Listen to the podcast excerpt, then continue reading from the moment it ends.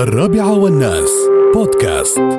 مرة ويا مرحبا بكم. معنا آه، الاستاذ خليفة عبد الله السعدي رئيس قسم العلاقات العامة والإعلام بمؤسسة دار زايد الثقافة الإسلامية.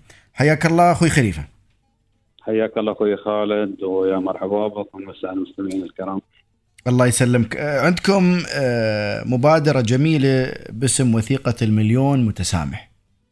إي نعم. آه، تحدثنا حول هالمبادرة الجميلة هاي. أكيد أكيد أخوي خالد آه، في البداية نحن نشكر لكم اتاحت لنا الفرصة للحديث أكثر عن آه، المبادرة هذه مبادرة وثيقة المليون متسامح. آه، طبعا نحن هذه المبادرة هي ضمن من مجموعه من المبادرات اللي أطلقتها الدار بداية عام التسامح حزمه من المبادرات. هذه المبادرة هي مبادرة مجتمعية وإنسانية وطنيه تم إطلاقها في معرض أبو ظبي الدولي للكتاب في شهر أبريل الماضي.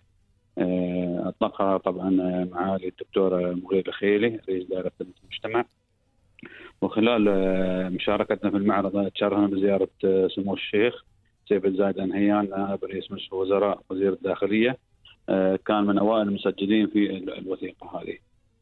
طبعا ال- ال- الوثيقة خلال مشاركتنا في المعرض لاقت إقبال كبير من القيادات الحكومية والسفراء ونخبة من الشخصيات الاجتماعية والثقافية والإعلامية الذين قاموا بالتسجيل في الوثيقة بالإضافة إلى شرائح المجتمع المختلفة.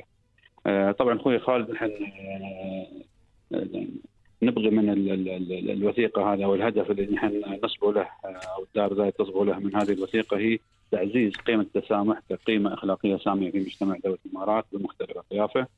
بالإضافة إلى آه، إبراز دولة الإمارات كوطن للتسامح والخير والمحبة آه، من خلال تعريفنا لل- لل- للمقيمين من خلال زياراتنا للمراكز آه، مراكز التسوق المختلفة. كذلك استدامة التسامح في المجتمع من خلال إن إحنا أطلقناها في شهر آه، أبريل وراح تستمر لغاية آه، نهاية ديسمبر مع نهاية آه، عام التسامح. نعم.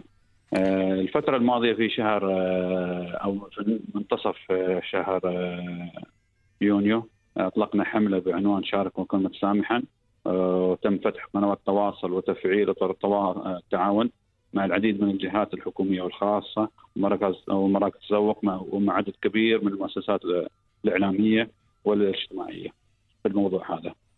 أي نعم. جي شيء جميل صراحة وال وال والمشاركة ما زالت متاحة. آه، وعندكم ال- قلت لي أنت ال- المنصة الإلكترونية كذلك؟ في منصة إلكترونية آه، هي طريقة المشاركة سهلة. آه، موقع إلكتروني آه، يقدر الشخص يدخل آه، عن طريقه آه، التسجيل ما ياخذ دقيقة آه، يدخل بياناته الشخصية ويتعهد آه، من خلال ال- آه، التعهد أو النص اللي موجود آه، في في المنصة هذه إنه يكون متعهد مع نفسه مع مجتمعه مع محيطه. آه، من التعهد هذا آه، راح توصله شهادة مشاركة عبر البريد الإلكتروني اللي هو مسجلنا في المنصة. كانه شارك في الوثيقة هذه. طبعا الأثر اللي استدركه الوثيقة على الشخص الذي يقوم بالتوقيع له طبعا هي بمجرد قراءة الشخص للتعهد الذي وقع عليه آه، وقت المشاركة فان له أثر كبير أخوي آه، خالد. يعني الأثر ان آه، من خلال آه، بشكل مباشر وغير مباشر من خلال تعزيز قيمة التسامح لدى الشخص نفسه كونها تنص التعهد هذا إن يكون متسامحا مع نفسه ومع من حوله ومع مع مجتمعه. لأن في التسامح حياه. لذلك هذه المبادرة أخوي رسالتها وقيمتها معنوية ولكنها مستقبلا ستكون ملموسة انعكاسا على سلوك الشخص وتعايشه مع من حوله وتقبله الآخرين.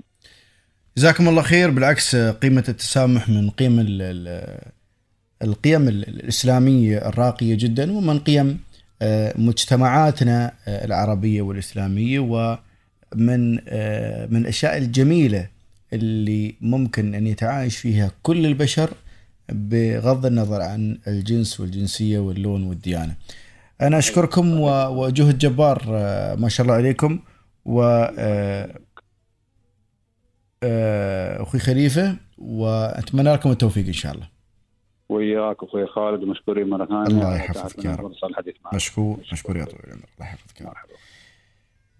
آه، كان معنا خليفة عبد الله السعدي رئيس قسم العلاقات العامة والإعلام بمؤسسة دار زايد ثقافة. حدثنا عن مبادرة وثيقة المليون متسامح.